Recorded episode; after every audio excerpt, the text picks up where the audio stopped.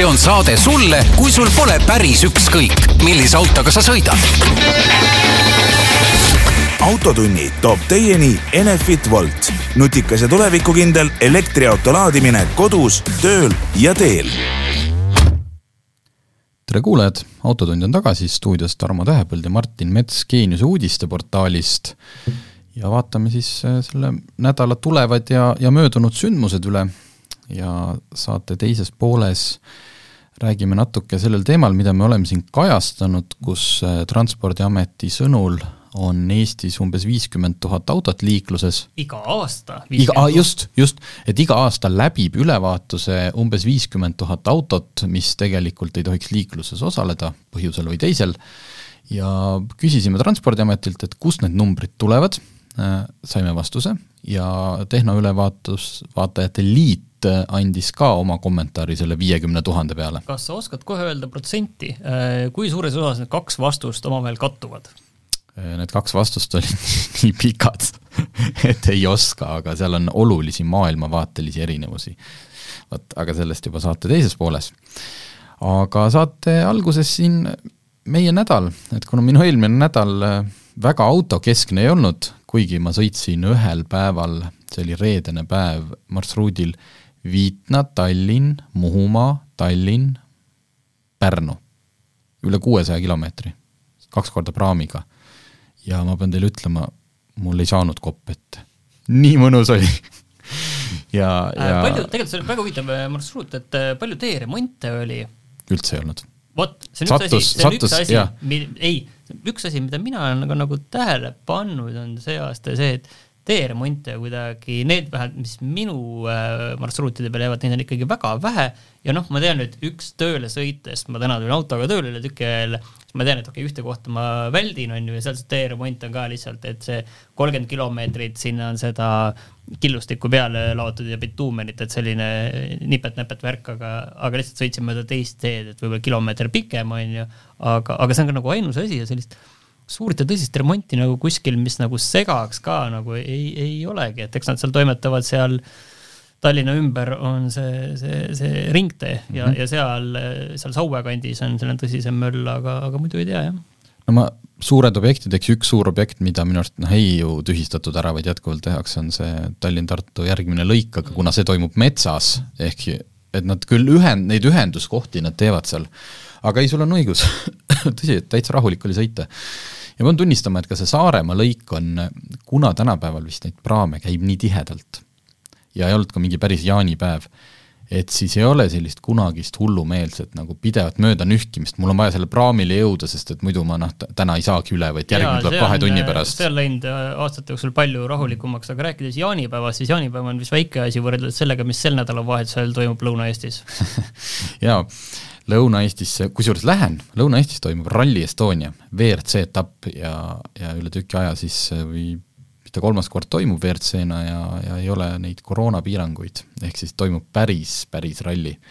ja toimub võimas äh, sündmus äh,, kes seda saadet veel jõuab kuulata nagu enne rallit ja, ja õigel ajal, siis äh, Tartu linnas ja Raekoja platsi ümbruses just toimub hästi palju tasuta üritusi, kontserdid, igasugused need autasustamistseremooniad, et eelmine aasta nad olid seal ERMi juures, see aasta on siis Raekoja platsi juurde tagasi toodud. kas seal autopuiestee on ka samal ajal või ei ole? muidugi on.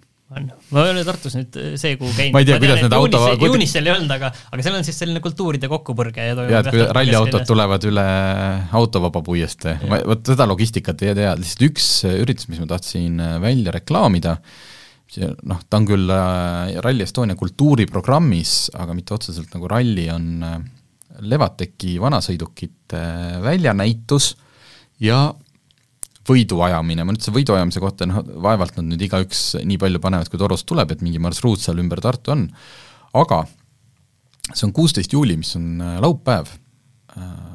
Algab Maaülikooli spordihoone parklast selline rongkäik ja sõidetakse Raekoja platsi ja selles mõttes on see vinge, et äh, ma vaatasin Levateki lehelt, seal on sada üksteist osalejat. no tsiklid kuuluvad ka nende hulka. Ja see, seekordne ongi pühendatud nagu BMW R, R kolmkümmend viis mootorrattamudelile, aga kui ma vaatasin Levateki Facebooki lehel on kõik osalejad äh, niimoodi järjest välja toodud, andis ikka scroll ida, ma jõudsin kuskil viiekümneni. Et äh, väga huvitav valik, üks, üks põnevamaid on alles hiljuti Eestisse lisandunud äh, Bentley neli üks kahendik liiter Le Mans Special viiekümne esimesest aastast on see niisugune no trükkida sisse või tuhat üheksasada viiskümmend üks, ma ei tea, oli seal juures. et üks eriline auto. et minge siis laupäeval, kuusteist juuli neid äh, vanu autosid vaatama, isegi kui teid ralli ei huvita. aga kui teid ralli huvitab, siis on teil muidugi pidupäev, ma saan aru, et see nädal, kui vähemalt ilmakaarti vaadata, tuleb kõike kindlasti saavad rallifännid nii päikest kui vihma, saab seal mudas, saab äh, sättida ennast õigesse kohta, siis kindlasti läigatab ka see lombist läbi sõitev äh, Ott Tänaksu niimoodi üleni märjaks. jõudsin juba kuskil pealkirja näha, et Ott Tänak polegi jõudnud veel märjal kruusal sõita, et ei teagi, mis saab mm. -hmm. Et... Äh, no mina juba nägin, et me lindistame saadet neljapäeval, testikatsed juba on toimunud ja, või, või veel käimas ja Katsuta, Takamoto Katsuta oli ennast juba kraavi sättinud, aga küll õnneks mitte vist sellisel moel, et äh, ta jätkata ei saaks, aga töömeestel tuleb öösel vähekene koputamist seal teha. aga muus osas jah, et liikluspiirangud, äh, kõik need asjad, et tuleb Lõuna-Eestis arvestada, aga see ürituse mastaap on ikkagi, ikkagi päris võimas. et seal sõidetakse kokku kolmsada kolmteist kilomeetrit ja see on ju jaotunud ära sinna Peipsi äärde ja Lõuna-Eestisse ja Peipsiääre, Mustvee, Raanitsa, Vastsemõisa, ühesõnaga Elva, Otepää, Neeruti, ma ise eh, rallit vaatama ei lähe, sest ma olen nii professionaalne tüüp, et ma esiteks eh, magasin täiega maha akrediteerumistähtaja. Ja teiseks, eh, lugedes noh, just, et ma olen natukene nagu mugav, et ma ei, ma ei ole saanud ikkagi sellesse ralli vibe'i, kus ma viitsiksin nagu see, et kiiruskatse saab läbi, ma näen kõik need autod ära ja siis hakkab see noh, see, et kuhu ma nüüd lähen, kõik see rahvaste voorimine, see ummikud, asjad, et ma kuidagi nagu ei ole sellesse. Mina, mina olen ikkagi üles kasvanud, äh, ütleme niiviisi, et äh, rallikrossi äh, vaimus vasaleb oma karjäärides ja mulle meeldib see, et kui sa vaatad nagu kõike ümberringi, väga, väga mõnus, sul on kogu aeg, sa võid ühes kohas olla ja sul on kogu aeg kogu, kõigest toimuvast äh, väga hea ülevaade. see mulle meeldib. nii, aga ma arvan, et ühesõnaga kõik uudisteportaalid ja asjad on terve see nädalavahetus ainult rallit täis, vaadake, saate tulemusi, saate emotsioone, galeriisid, usun, et spordiuudistest Elu24 ja poliitikauudisteni välja, kõik, kõik saab äh, Rally Estoniaga siduda ja see kui keegi arvas, ta kuulis mu hääles irooniat, siis tegelikult mitte, sest see on jube kihvt, et Eestis selline suur üritus toimub. absoluutselt aga minu nädal on olnud äh, väga vaikne, et teistpidi, äh, et midagi nagu säästad kütust? ei, mitte selles mõttes, ei ma olen sõitnud küll, aga muuseas, nägid, täna oli kütus ainult üks üheksakümmend üheksa. tahtsingi just jõuda sinna varu või kanistrisse. jaa, maailmaturul on kukkunud veel rohkem, aga, aga ikkagi jah, et äh, kütusehinnad natukene vaikselt normaliseeruvad, aga ilmselt Äh, kuulsid jah ilmselt..., kuulsid, mis ütlesid, normaliseeruvad? no kukud allapoole. ja, ja just selles, ah nojah, et, et kui me olime siin hiljuti üks koma kuus oli meie jaoks äh, traagiline ja vääris saates eraldi lõiku, siis üks üheksakümne üheksa juures juba normaliseeruvad. no ma, selline vaimselt sobiks mulle üks koma kaks rohkem niiviisi, selline, selline, alles hiljuti veel tundus üks koma kaks väga mõistlik. aga selles mõttes, et ega nagu suurt midagi ei toimu, on ju, vaata, kui sa vaatad, mille üle nagu räägitakse, siis väga palju räägitakse elektritõukside üle, et kas nad peaksid ja võiksid üldse sõita äh, sada kilomeetrit tunnis, et äh, liikluses, et äh, noh, andku minna, sõitku siis, et, et mis seal ikka teha, on ju Tarmo nägu läks sekundiga tõsisemaks nagu.. ei, nad võivad, nad täiesti võivad, sul lihtsalt selleks peab olema vastav, ei. vastav turvavarustus, ta tegelikult ei või. tegelikult sa ei, sa võid selle, sa vist ei saagi seda tsik-, et noh, see, et sellist, sellist klassi vist ei ole Eestis olemas, et et sa võid ju olla hea kodanik, aga ma ei tea, kas sa saad oma selle saja, sada kilti sõitva tõuksi mingiks nagu motikaks registreerida, et sa võiksid sõita. sest hetkel on see, et nad ei või sõita üle teatud vist kahekümne viie noh, sest et siis no, sul ei ole mingeid lube ja asju vaja. registreerid selle seadme, mis sul on, et eh, veoautona või, eh, või eh, sõiduauto. aga see fakt, et politsei ütles, et nad üks päev kontrollisid ja tabasid kuus tõuksi Äh, sellist, millel oli noh, ilmselt ei ole need mitte need Bolti omad, vaid siis inimeste isiklikud, millel oli see kiiruse piiraja eemaldatud ja ja ühe puhul öeldigi, et noh, põhimõtteliselt oli tippkiirus sada kümme võimalik sellisega saavutada.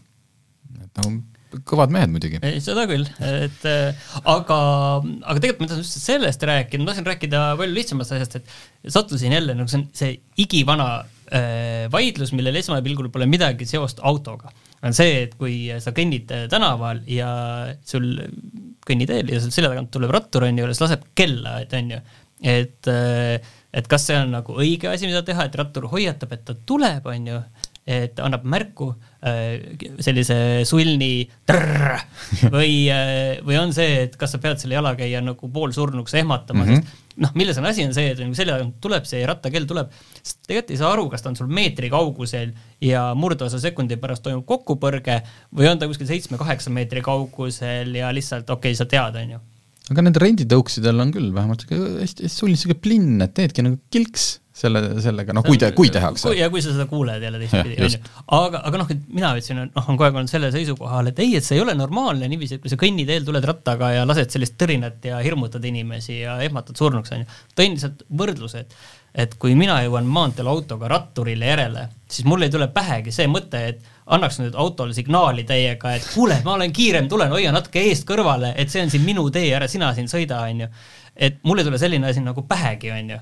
et äh, ühe ratturiga olin selles vaidluses ja siis rattur oli ka, aa, tõesti, tõesti mm, -hmm. see oleks väga halb, kui sa annaksid niiviisi signaali mul selja tagant maantee peal. ma ütlesin jah, et mõtle siis ka selle kõnnitee juhtumi peale, et tegelikult see on just sama olukord et äh, kas meil on vaja, kas meil on vaja jääkeldrit ja ühiskondlikku kokkulepet?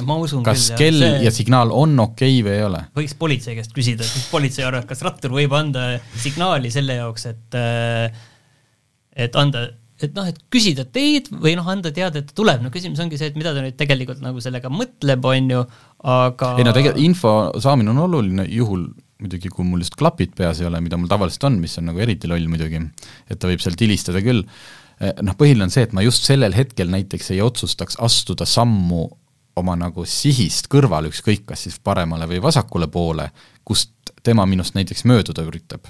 või et ma just sooritan siin mingi pöörde, aga kui ma tean, et linn, noh, kuulsin seda selja tagant, et järelikult ma siis vaatan üle õla, aga ei siin no rattur peaks olema kõnniteel ikka väga ettevaatlik ja mööduma liik-, ei, liikuma jalakäija kiirusel, nii ongi. see, see ongi, aga jah, et kas seda kella sinna vaja on, et noh, nii et ühesõnaga ainult juhul, kui see on sul hästi sulnis ja sõbralik kellakilks. jah yeah., et äh, ühesõnaga ärge siis ratturitele maanteel signaali laske niiviisi, et see, see on, see on nõme. nii äh,, räägime autodest ka äh,. uudis BMW-lt õnneks või kahjuks mitte küll Eesti kohta, aga see, et äh, sellest me oleme siin aastaid tagasi rääkinud, kas meil endal äh, ju Ro-, Ronald Liive üritas äh, Äh, seda, et ta tellis omale selle OPD2 pistiku ja vaatas oma Škoda Karoqile, et kas ta saab selle kaudu käivitada mingeid, et tihti on see, et autodel on sul tegelikult funktsioon olemas, aga kuna sa ei ole seda lisavarustust näiteks tellinud, et siis äh, sa ei saa seda kasutada. ei ole lihtsalt aktiveeritud. see ei ole aktiveeritud, aga et kas teoreetiliselt saaks sealt midagi aktiveerida ja, ja see, see läheb nagu aina noh, see on aina levib automaailmas, sest et kõik on niivõrd elektrooniline ja palju lihtsam, sa ehitadki selle elektroonikapakett, on sul nagunii juba autosse tõstetud, see plokk. ja siis sa kliendile müüd lihtsalt seal teenuseid. aga, aga eriti naljakas tuli uudis praegu Koreast, ilmselt on see mujal veel, et Korea Connected Drive e-poodi tekkis BMW omanikel võimalus vormistada omale istmesoojenduste periooditellimus ehk siis sa saad näiteks üheks kuuks omal käivitada istmesoojenduse. on ka pikemaid pakette, ühesõnaga äh, kaheksateist euro eest saad istmesoojenduse, umbes kaheksateist euro eest Lõuna-Koreas istmetele soojenduse kuuks ajaks. aga tahad pikemat aega, siis näiteks aastane istmesoojenduse pakett on sada seitsekümmend neli eurot. saad ka võtta, aga kui sa ikkagi tead, et sa tahad, et su alaosa oleks kogu aeg soe, sa võid ka selle ikkagi lõplikult lahti lukustada, ehk siis põhimõtteliselt lisavarustuse hinna eest nelisada üks eurot. Lifetime pakkumine. Lifetime pakkumine. aga ma eeldan siis seda, et seda energiat nad selle kuutasu eest kinni ei maksa, mis kulub see soojenduseks, on ju. jaa, vot see on ka jaa, jaa. ja kui nad pakute seda teenust, siis pakkuge ikka korralikult. aga, aga mu esimene küsimus on see, et kas siis tõesti istmesoojendus tänapäeva autodes ei, ei ole selline asi, et see on täitsa nagu normaalne baasvarustus. tead, ma arvan, et see oleneb ikkagi ka piirkonniti. et jah, et äh, Eestis küll vähemalt nendel nii-öelda rahvaklassi autodel, ütleme, Kiiad, Volkswagenid, kõik ikkagi äh, noh, koreakatel küll on täiesti ja, ja paljudel on isegi võimalik, et väikse linnukese saad ka tagaistme, mitte küll keskmisele, aga äärmistele istujatele, et et, ilmselt see on ikkagi selline turupõhine, sest näiteks ka roolisoojendus Koreas kümme eurot üks kuu, aga äh, natukene juba selline kummalisem, et äh, et Apple CarPlay on kolmsada kaks eurot, see on küll siis äh, igavene tellimus, mitte enam kuutasu, aga et äh, ikkagi Apple CarPlay ma saan aru, seal piirkonnas vähemalt on siis asi, mida sa ei saa eeldada, et see ei ole veel inimõigus, ehk siis su telefoniga integreerimine. Aga noh, kui siin natuke nalja teha, siis noh, kõva Exceli tabeliga inimene, kui nüüd Eestis oleks BMW-l võimalik äh, ka sellist asja pakkuda või kui hakkaks pakkuma, nii mõtle, mitu kuud aastas sa reaalselt tahad, et sul ja, ja võtamegi siis, et sa ostad BMW ja see nelisada eurot oleks siis, et ta on sul kogu aeg olemas. aga kui sa tahad kolm kuud aastas, eks ju, mis ta on siis, kaheksateist eurot kuu, äkki tundub mõistlikum üldse mõni teine auto osta, Excel, ma arvan, et Excel tead, ütleb seda. kavatsed kolm aastat pidada niimoodi ja siis võtadki kuu kaupa, hästi on hästi soe talv, sa ei kasuta kunagi, et ja siis jälle aktiveerid, kui tundub, et nagu see kuu tahaks ja minu arust on nagu aga kui ma ostan midagi lisavarustuse eest, kas see Apple CarPlay, et kas see nagu töötab ka veatult ja kõik on korralik hästi, jah?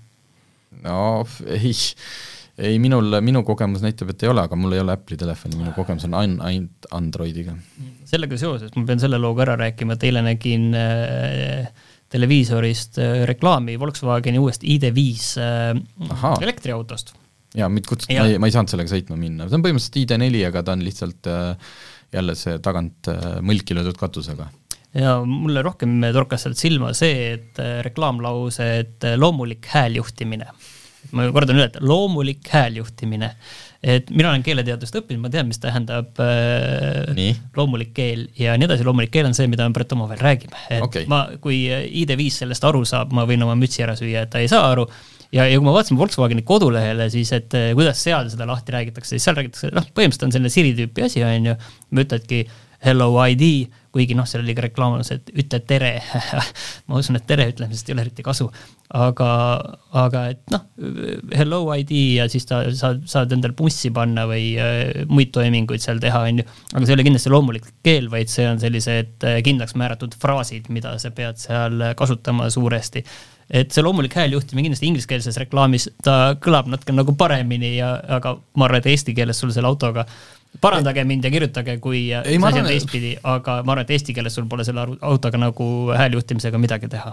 ma usun, et selle käivitamise, selle tere ja, ja mul on külm mingis autos, seda pidi juba saama, vist Lexus, Lexus saatis just oma noh, kõik saadavad muuseas siin suvel pealt pressiteateid, et nende autod on uuenenud, et mis tähendabki seda, et hästi noh, natuke on tarkvara üle kirjutatud äh, Lexuse puhul oli küll välja toodud, et saad öelda eesti keeles, et mul on külm, aga noh, et äh, ma arvan, et Volkswagenil võib-olla nad on ka selle tere ja mingid funktsioonid, eriti kas, kas Volkswagenis tarkvara osakond on siis Eestis või ei ole? no päriselt Nad nagu, nagu toodi ja, ja siis nagu viidi ja selle katuse asi nagu on, aga päris äh, progejaid ei ole? progejaid ei ole, aga nad tahavad natukene ikkagi võtta ja natuke selle asjaga nagu laieneda, et ütleme, et äh, äri mõttes käib siit läbi vist päris suur hulk raha, aga arendus reaalselt toimub mujal, sest neil oli plaan hakata siin seda tegema suurelt ja siis see pall kukkus maha ja ei mäleta täpselt neid põhjuseid, aga kuskil koroona ajal.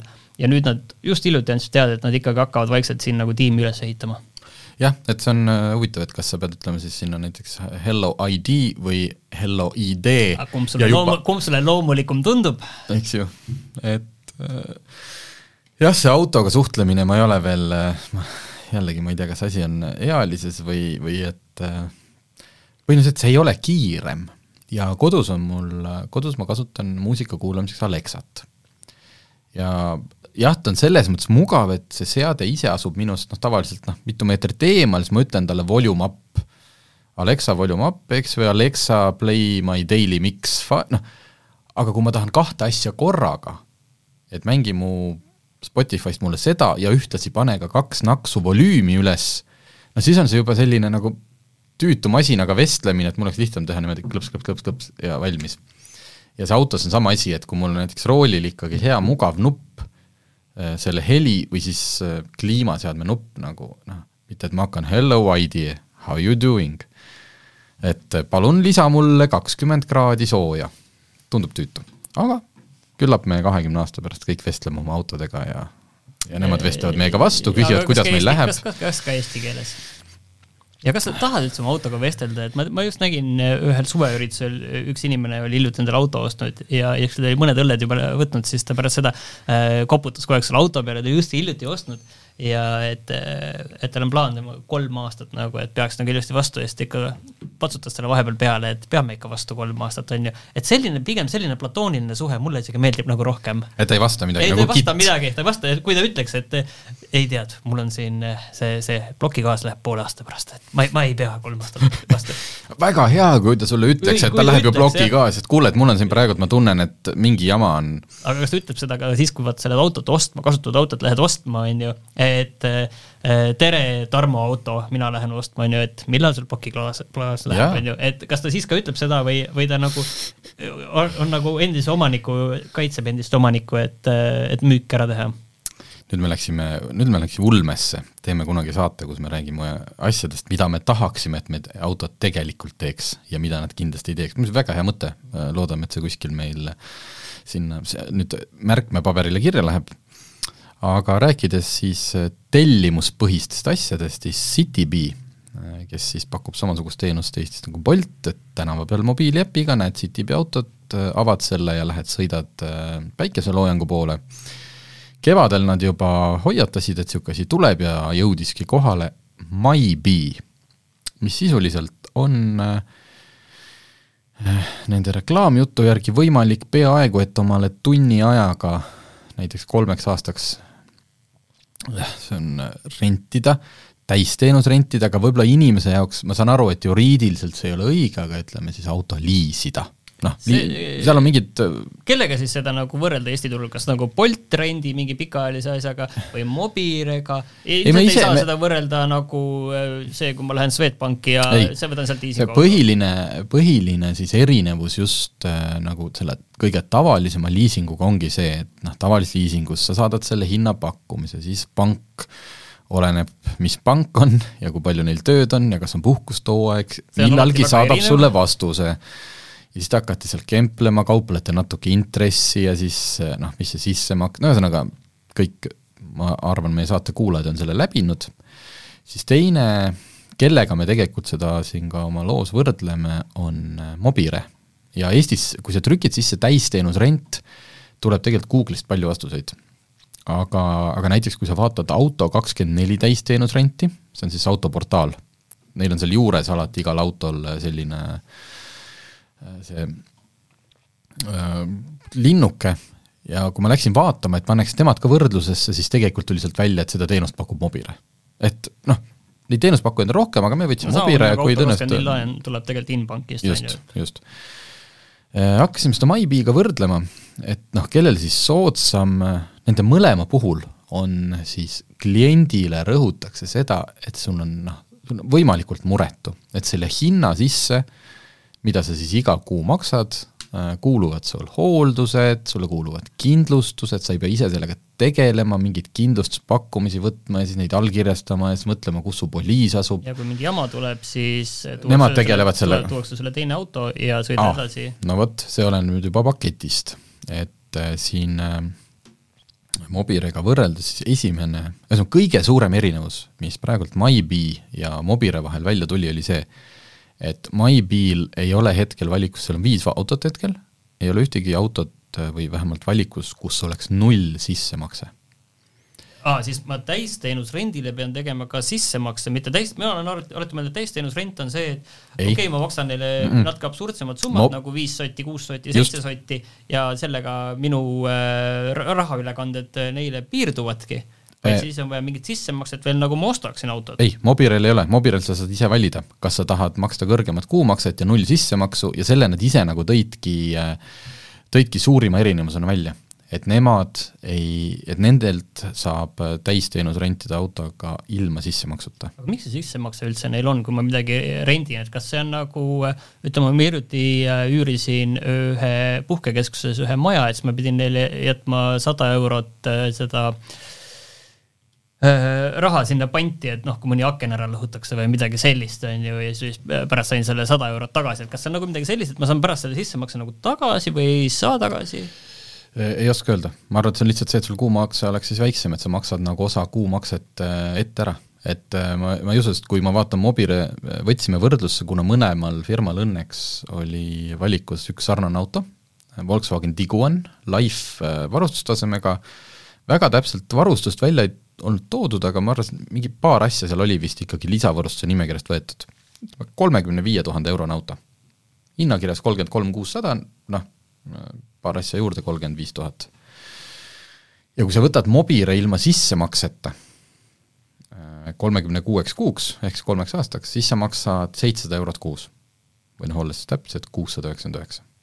kui sa võtad koos sissemaksega, et sa maksad neli tuhat, et sul ütleme, eelmise auto müügist ikkagi neli tuhat said tagasi, siis sa maksad viissada viiskümmend üheksa, et ehk et sul on ikkagi sada nelikümmend eurot kuus on nagu püsikulud väiksemad.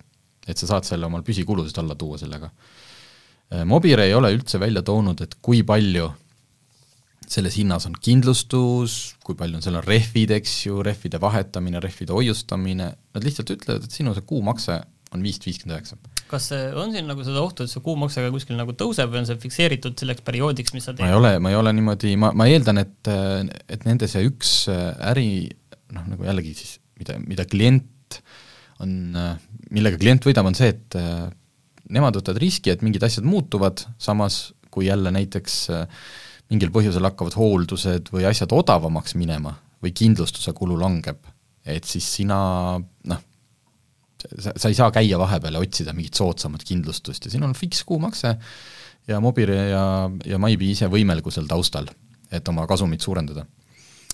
aga mõtleme siis, et mõlemal oli sissemakse neli tuhat, sama periood, ühel on, MyBeal on ka lepingutasu sada viiskümmend eurot, Mobilel pole, et sellisel juhul on äh, vahe minimaalne. MyBee tuli siin viissada kolmkümmend neli eurot ja Mobile viissada viiskümmend üheksa, Mobil on natuke rohkem teenuseid, aga need teenused on sellised, mida sul noh, äh, noh, kui tihti sul neid ikkagi vaja läheb, see on nagu good to have mm. või, või noh, tore, et see sul see võimalus on, ma ütlen kohe, mis siia premium paketti kuulub, eks ju, noh, näiteks tehnoülevaatused, äh, aga kui sa ostad uue auto, siis sul ei ole kolm, nelja, kolm või neli, jah, kui sa võtad kolmeks aastaks, siis sul minu arust uuel autol on ju nelja aasta pärast pead alles tehnoülevaatusele minema. Vabandust, kui ma praegu millegagi eksin. või siis noh, arvete administreerimine, äh, noh, kindlustusjuhtumite käsitlemine, kakskümmend neli tundi teeninduskeskus, et noh, ideaalmaailm, mul ei lähe ühtegi neist asjadest ju vaja. Vot, aga põhiline siis jah, et, et MyBee toob välja, et kui sul ma ei tea, ma ei, ma ei hakanud seda protsessi läbi tegema, peaks nüüd täpsemalt küsima, et et kuidas nad teevad minu nagu mingit krediidi nagu taustauuringut. noh, et kas ma, et sisuliselt kas ma, kas ma võin võtta mingi kolmesaja viieteist eurose kuu kohustuse Nad ütlevad, et kui sa kas kuskil pangast või kuskilt ei käi midagi läbi, lihtsalt äh, võta? äpp no., nad ütlevad, võtad selle no. Citybee äpis on eraldi MyBee nupp, võtad ja selle järgi noh, ma nüüd lõpuni nagu ei läinud, et kui sisuliselt nemad ütlevad, et tööpäeva jooksul et seal on, et võimalik on ka tunni ajaks auto kätte saada, Marja neli neil autod asuvad, et kui kõik läheb nagu ludinal, et siis lihtsalt äh, vupsad äh, sinna, äpiga avad oma aut-, uue auto ukse ja ongi sul, ma ei tea, siis kolmeks või, või mis iganes siin Äh, perioodid on alates kuuest kuust, kui ma siin kalkulaatorit vaatan.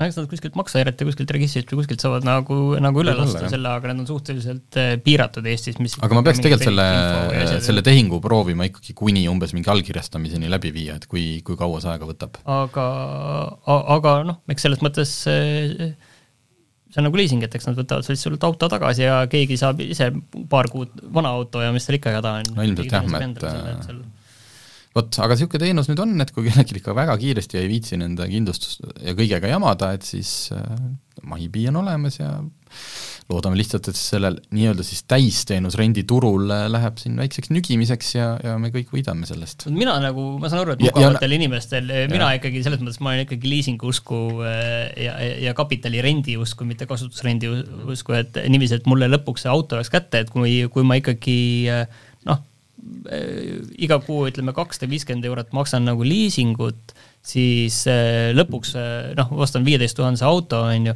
noh, tänaste hindadega mul jääb äh, liisinguperioodi lõpus noh, kümne tuhande väärtuses asi alles, mida me saame maha müüa, et või siis järgmise nojah, see sisuliselt see, see raha, mis sa muidu võiksid kõrvale panna, et noh, sa annad selle nii-öelda noh, see aitab nagu sul säästa, et sul on jah, see auto pärast sinu oma. jah, et miski, sel-, selle eest, et ma maksan, ma pärast saan miski, mingi väärtuse tegelikult, on ju, et seal täisteenusrendi puhul ma maksan kogu selle raha ära ja, ja pärast kui see periood läbi saab, on ju, siis, siis mul on tühjad pihud ja ma pean uuesti leidma selle sissemakse raha, neli tuhat ütlesid, jah?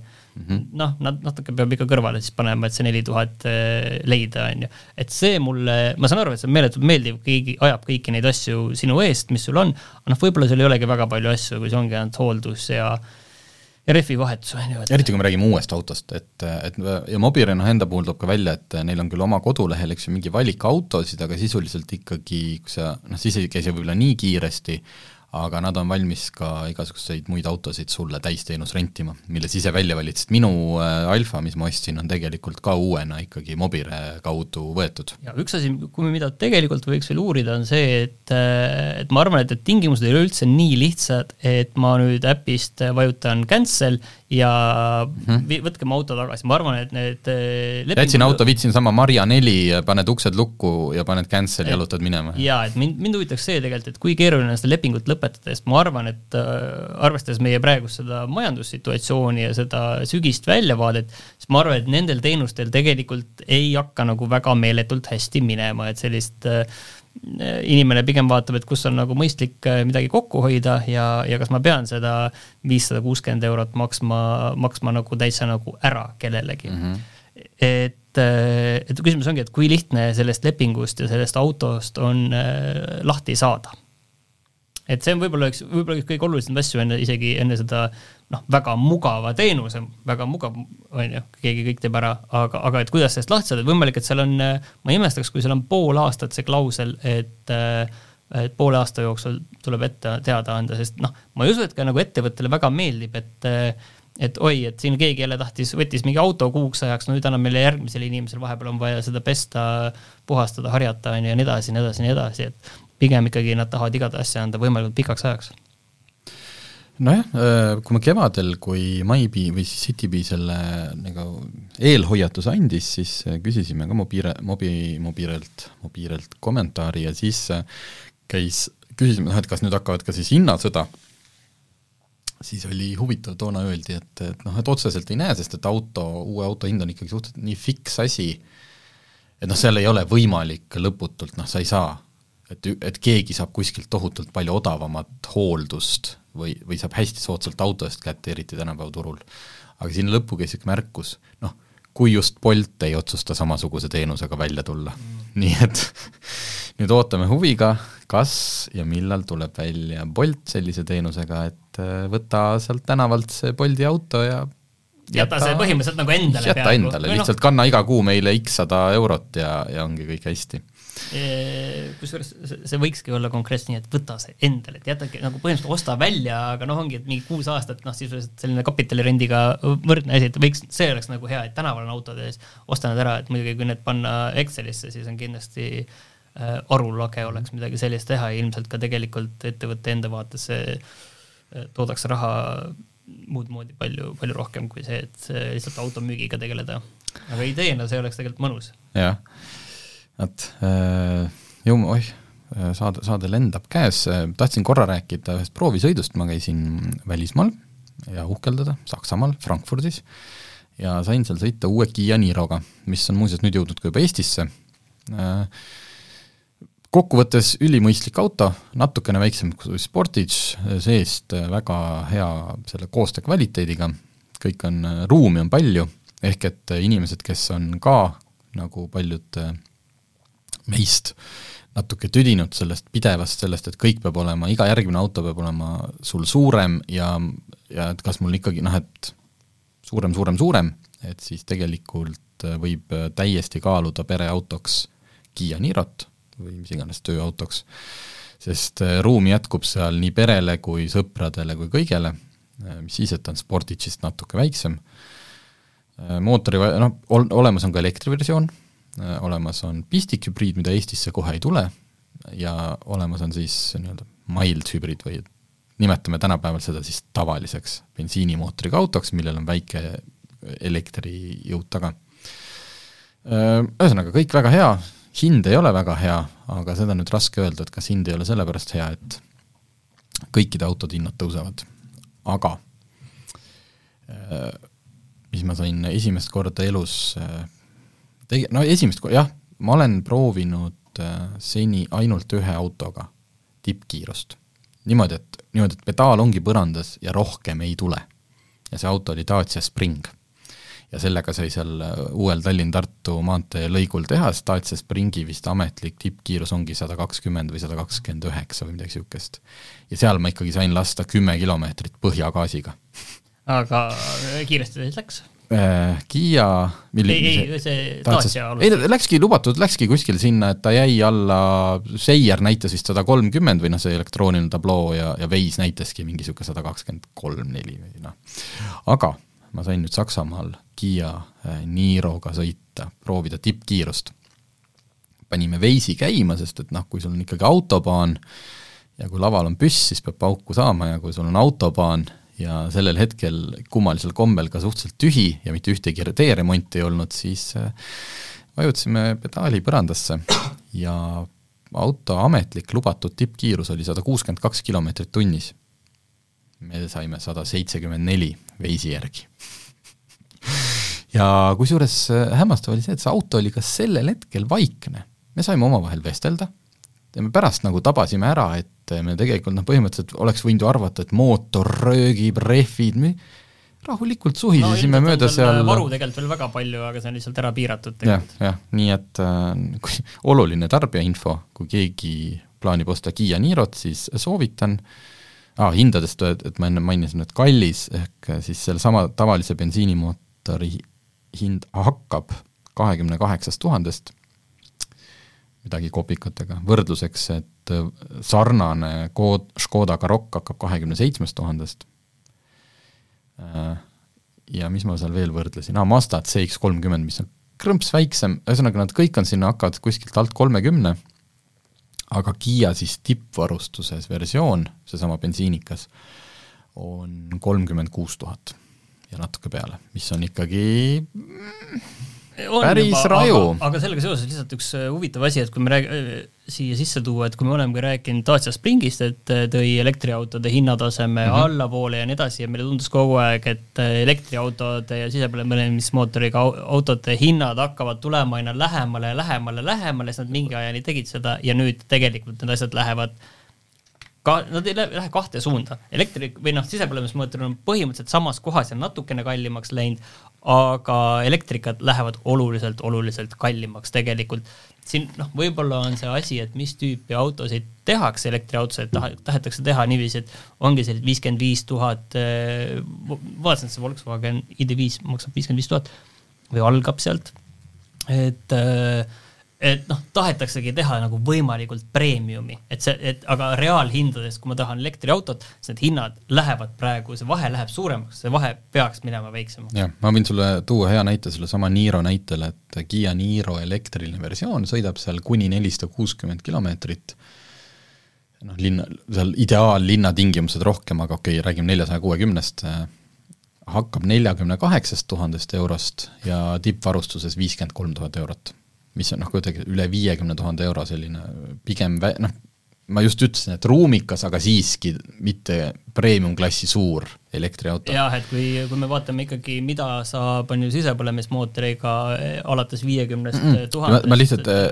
tahtsin äh,, vabandust, ma segasin vahele, nii? ei, seda ma just tahtsingi öelda, et me tegelikult oleme sellest ka varem rääkinud, mis tüüpi auto sa saad nagu selle eest, et sul tulevad mm -hmm. juba, juba väga normaalsed Audid ja, ja, ja Volvod tulevad sealt juba vastu, on ju, et et nagu hoopis teine klass tegelikult mõnes mõttes see, mis elektriautod sul on aga lihtsalt, kuna sa tõid välja, et ka elektriautod lähevad kallimaks, siis selles mõttes ongi, et kui me võrdlesime seda, noh ta jällegi Kona, Hyundai Kona on natukene võib-olla väiksem, kui me noh, sest et, sest Niro on nüüd tutikas mudel, Kona on päris vana mudel, küll saanud mudeliuuenduse, aga umbes sama suur, noh, sama võimas, isegi võimsam, aga enam-vähem sama suure sõiduulatusega Hyundai Kona Electric. ma vaatan pealt Hyundai hinda kirja, millegipärast on isegi soodushind, algab neljakümne ühest tuhandest ja tippvarustuses on nelikümmend kuus tuhat. Mis tähendab seda, et nagu juba selles samas oma klassis on see Kiia elektriauto läinud siis äh, neli, no ütleme kaheksa tuhat eurot kallimaks. et äh, nii on jah, et need elektriauto hinnad ei tule alla, vaid lähevad äh, aina kaugemale ja, ja see on natuke nukker. see ei tee kindlasti elektriautode kasutusvõttu kuidagi nagu sellele hoogu juurde ei anna, et no lihtsalt see sisend jah, et eks, eks ta on iga autoga, aga lihtsalt bensiin, lävend, jaa, lävend tõuseb lihtsalt bensiinimootoriga auto puhul on siis okei okay,, et noh, Nad on nii kallimad, ma lähen võtan siis klass, noh et ma, mul on nagu valikut no, kust võtta siis ägedaid autosid osta just, ju. kas siis kasutatuna või ka uuena, et okei okay,, noh ma ei, noh näed, Škoda Kodiakil ei hakka hammas peale, võtan ka Rocki, ikka kallis, võtan ka Miki, eks ju, noh, liigun allapoole, aga elektriauto puhul on mul see, et näed, viiskümmend tuhat, aga võtan siis altpoolt, noh, no ei ole väga palju varsti enam vot, nii ja. et äh, siis, aga vähemalt saime ära rääkida tippkiirusest ja nüüd võtaks nüüd, äh, ma ei tea, kas on võimalik teha kiiresti selle tehnoülevaatuste teema läbi, sest tegelikult oli see mahukas. aga milles nagu probleem üldse oli, oli see siis, et aasta alguses äh, tahet-, tahtis Transpordiamet võtta kasutusele ülevaatuspunktides peakaamerad, et ja nad ütlesid, et sellepärast, et aastas tehakse viiskümmend tuhat ülevaatust, kus saab läbi auto, mis ei peaks sealt läbi saama.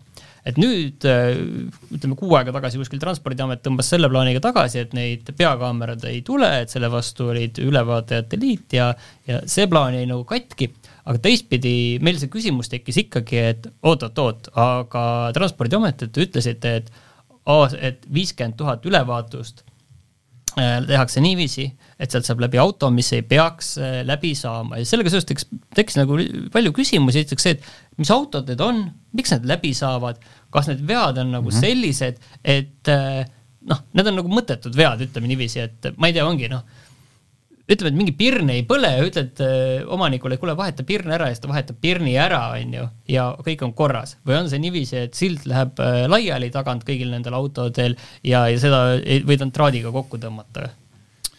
Äh, transpordiameti püüame siis lühidalt teha.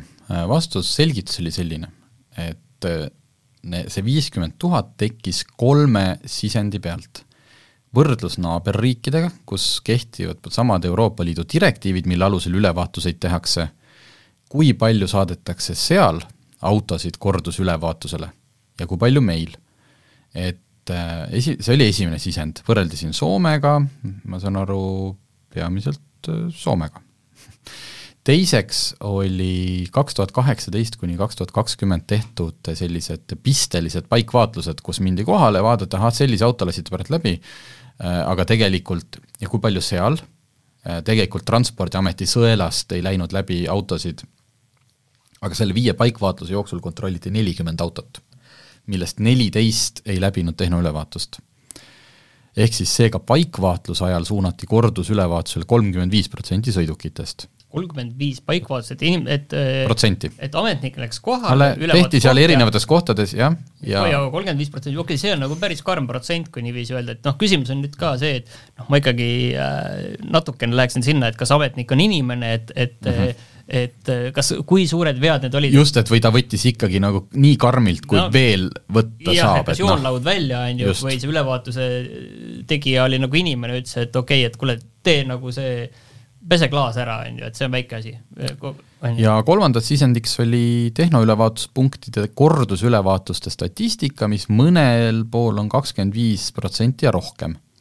aga et noh, et kakskümmend viis protsenti autodest ei läbi esimesel korral mm., need on siis nii-öelda Transpordiameti vaates nagu head ülevaatuspunktid, aga kui kor-, on mingi punkt, kus kordusülevaatusele saadetakse ainult viisteist protsenti autodest, et siis järelikult seal noh, kuidas öeldakse, tehakse nahka see on, see on huvitav selles mõttes, et äh, see on nagu ütleme niiviisi, et kui me nagu isegi selle asja sisusse ei lähe, on ju, see on nagu intellektuaalselt väga huvitav, on ju, et kas see, et, et meil peakski see protsent olema näiteks kakskümmend viis, et see mhm. ongi nagu mingi kivisse raiutud asi, on ju, või võib ka olla viisteist, et kas me räägime siin mingil juhul näiteks mingitest erinevatest piirkondadest.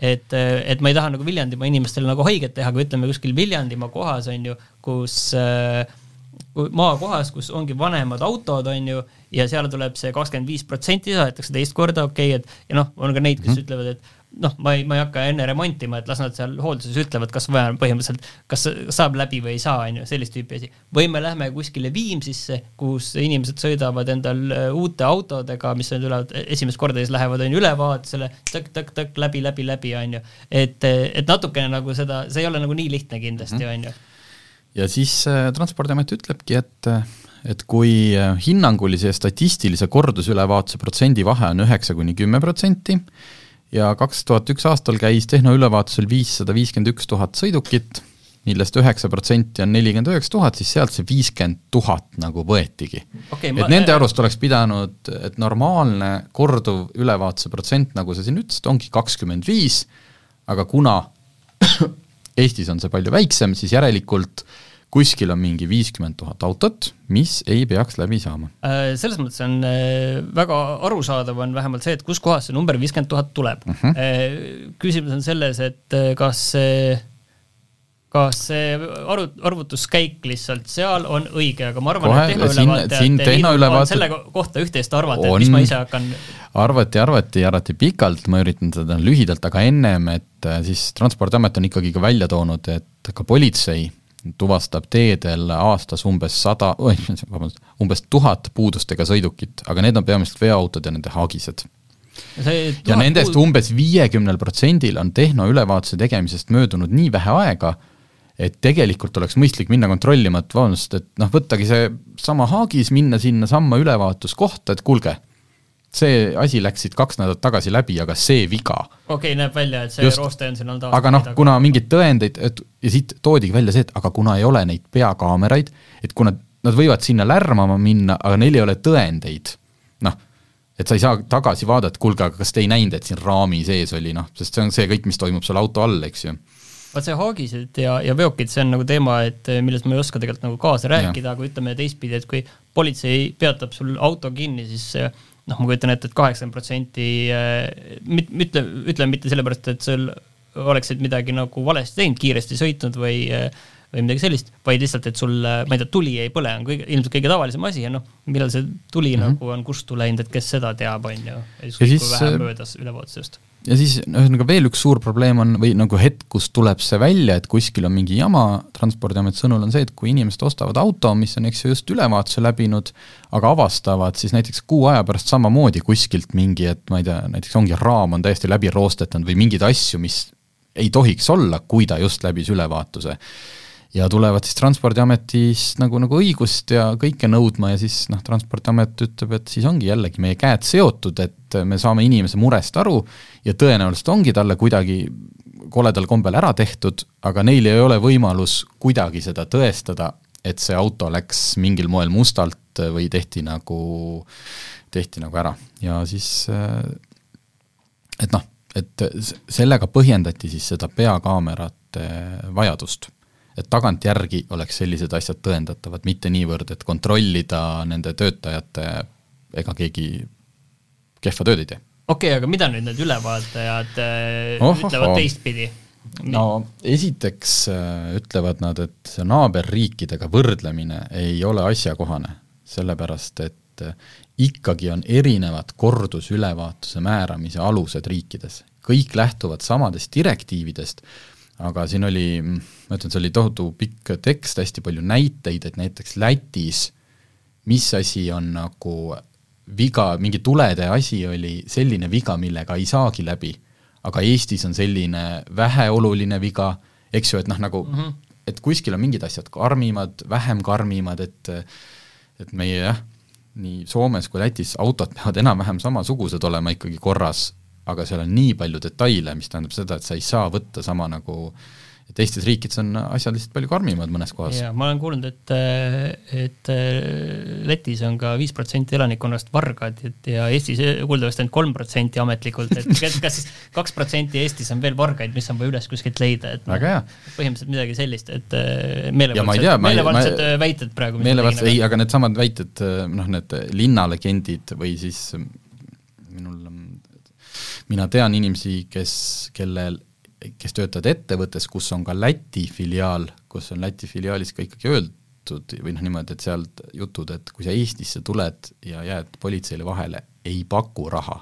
noh mm, -hmm. ei soovi, noh, rangelt ei soovita, aga Lätis on see ilmselt veel kombeks, aga okei okay,, äh, see on selline äh, naljajutt siin praegult, aga Tehnoülevaated Liit toob välja väga olulise asja, mis puudutab neid, et miks osades ülevaatuspunktides saadetakse väga äh, vähe autokordusülevaatustele. ta ütles, et Eestis on väga levinud, et ülevaatuspunkti kõrval või läheduses on autoremonditöökoda. sõiduki omanikud viivad sageli oma auto hooldusesse ja paluvad pärast seda ära teha ka ülevaatus. ja selles mõttes väga pädev väide, sest mina täpselt sellistes kohtades oma autodega alati käingi jaa, ma tean ka selliseid inimesi, kes eh, seda teevad ja, ja hea tõesti, et sellele tähelepanu juhitakse, sest tegelikult nii see ongi, eh, kas või kui me räägime sellest samast täisteenusrentidest, millest me enne just eh, rääkisime ja sarnastest teenustest, või siis noh, igasugustest fliitidest, kus ja. saadetakse korra, noh korraga noh, kümme autot või okei okay,, noh, fliidid on palju suuremad, aga lihtsalt, et mingi hulk nagu korraga on siin hoolduses, saadetakse jah, et see on väga-väga nagu loogiline näitaja, et seal noh, natukene peaks nagu ise sinna sisse on ju teada, et mis tüüpi eh, ja kus kohas need eh, ülevaatused on, et kindlasti väga hea point, jah.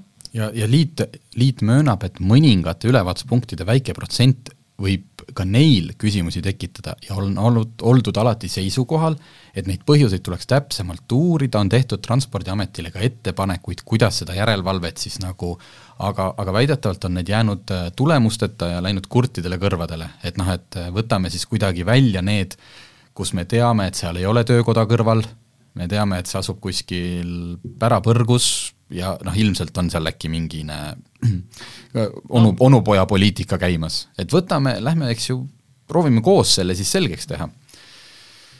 ja siis nad toovadki välja, et noh, ühe asjana, et see kaks tuhat kaheksateist kuni kaks tuhat kakskümmend läbi viidud ähm, paikvaatlust, kus osales nelikümmend sõidukit, ta ütles, et sellesama kahe aasta jooksul tehti Eestis üks miljon kakssada kolmkümmend kolm tuhat sõiduauto ülevaatust ja teha neljakümne sõiduki pealt äh, matemaatiliselt usaldusväärseid järeldusi on ähm, liidu sõnul natukene ennatlik, et äh, ma olen sellega nõus, et, äh, et see on täpselt jah, see asi, et see kolmkümmend viis protsenti juba tundus juba, juba sel hetkel, kui sa enne seda ütlesid, tundus nagu hämmastavalt suur, aga aga see nagu konteksti panna, pluss veel sellesse konteksti, et kas see on nüüd ühes või kahes kohas tehtud, see paikvaatlus või kui mitmes kohas seda läbi viidi, see neljakümne autoga et see kindlasti annab, äh, annab sellise natuke kõvera pildi. pluss äh, veel, mis seda protsenti mõjutab, on see, et Transpordiamet oma protsendi arvutamisel võtab arvesse kõik ülevaatuste liigid, korraline, korduv, eriliigiline, rahvusvahelise ülevaatuse tunnistuse väljastamine, kõik asjad,